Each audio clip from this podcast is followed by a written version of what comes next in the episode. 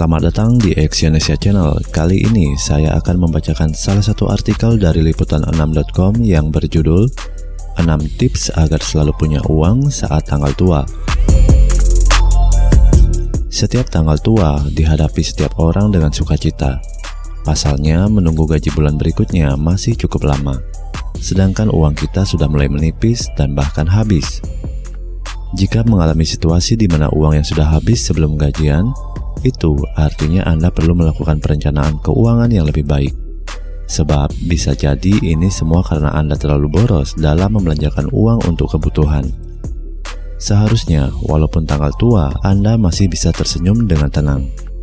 Saat menerima gaji pada bulan sebelumnya, mungkin Anda harus membayar beberapa kewajiban yang tidak bisa ditunda, seperti membayar utang kartu kredit, membayar tagihan bulanan seperti listrik, air pump, TV digital, internet, dan lain sebagainya. Namun, ketika ada promo produk elektronik berupa smartphone terbaru dengan fitur yang canggih, ditambah lagi promo produk fashion, Anda merasa sulit untuk menolaknya. Jika sudah tergoda, Anda akan sangat mudah untuk mengeluarkan uang. Sebaiknya Anda bisa mengontrol pengeluaran yang terlalu berlebihan agar tidak merasa cemas dan gelisah saat menghadapi tanggal tua. Berikut adalah 6 tips agar setiap tanggal tua selalu punya uang. Yang pertama, saatnya melakukan perencanaan keuangan. Jika sudah meluruskan niat Anda untuk mulai mengatur keuangan dengan baik, mulailah dengan melakukan perencanaan keuangan. Perencanaan dalam hal ini tentu adalah perencanaan keuangan Anda sendiri. Di dalamnya, Anda harus membuat tabel khusus serta tuliskan beberapa hal penting terkait keuangan, seperti kebutuhan bulanan serta kebutuhan hiburan yang biasanya Anda perlukan. Jika ternyata ada banyak pengeluaran, mulailah untuk memangkasnya. Batasi pengeluaran dengan cara menabung atau berinvestasi, setidaknya demi masa depan. Yang kedua, selalu konsisten mengikuti budget. Setelah membuat perencanaan seperti di dalam keuangan Anda, simpanlah uang sisanya dalam bentuk tabungan. Tahanlah jika Anda ada keinginan untuk membeli sesuatu yang diinginkan, sebab dikhawatirkan hanya akan membuat keuangan jadi boros. Selalu konsisten untuk mengikuti budget yang telah Anda buat. Yang ketiga, ubah kebiasaan makan siang di luar dengan membawa bekal makanan. Hal yang cukup sering membuat pengeluaran membengkak adalah makanan. Bayangkan saja jika Anda sering makan di luar rumah, ditambah lagi sedang menghadapi tanggal tua. Bisa-bisa uang Anda habis begitu saja. Untuk mengantisipasinya, sebaiknya Anda membawa bekal makanan sendiri dari rumah.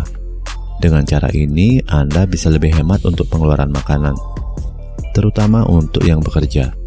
Selain itu, membawa bekal makanan dari rumah sendiri juga membuat Anda lebih kreatif dalam menyajikan menu makanan dan lebih sehat tentunya. Yang keempat, sekalipun uang receh akan besar nilainya jika ditabung. Biasanya keberadaan uang receh sering dianggap tidak penting. Keberadaan uang receh sebaiknya tidak diabaikan begitu saja.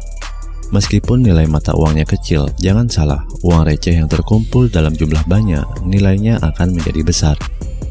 Mulai saat ini, setiap menerima kembalian uang receh, sebaiknya masukkan ke celengan.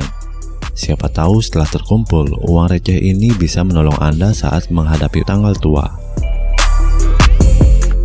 Yang kelima, cari pendapatan tambahan. Mau bagaimana lagi, tanggal tua tak bisa dielak. Jika memang Anda masih kekurangan uang, cara lain yang bisa dilakukan adalah meningkatkan pendapatan. Silakan Anda cari tahu karena ada berbagai cara untuk mendapatkan penghasilan tambahan. Misalnya dengan memiliki usaha sampingan, menjalankan bisnis online juga bisa Anda lakukan untuk meningkatkan pendapatan.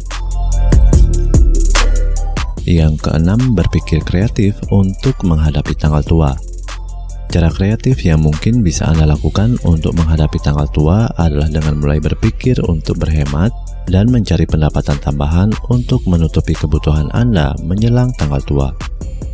Cobalah untuk mulai berbisnis online atau memiliki pekerjaan sampingan di luar pekerjaan utama Anda. Terima kasih telah mendengarkan audio artikel ini dan silakan cek link di bawah untuk membaca artikel dari audio yang saya bacakan di liputan6.com. Salam sukses.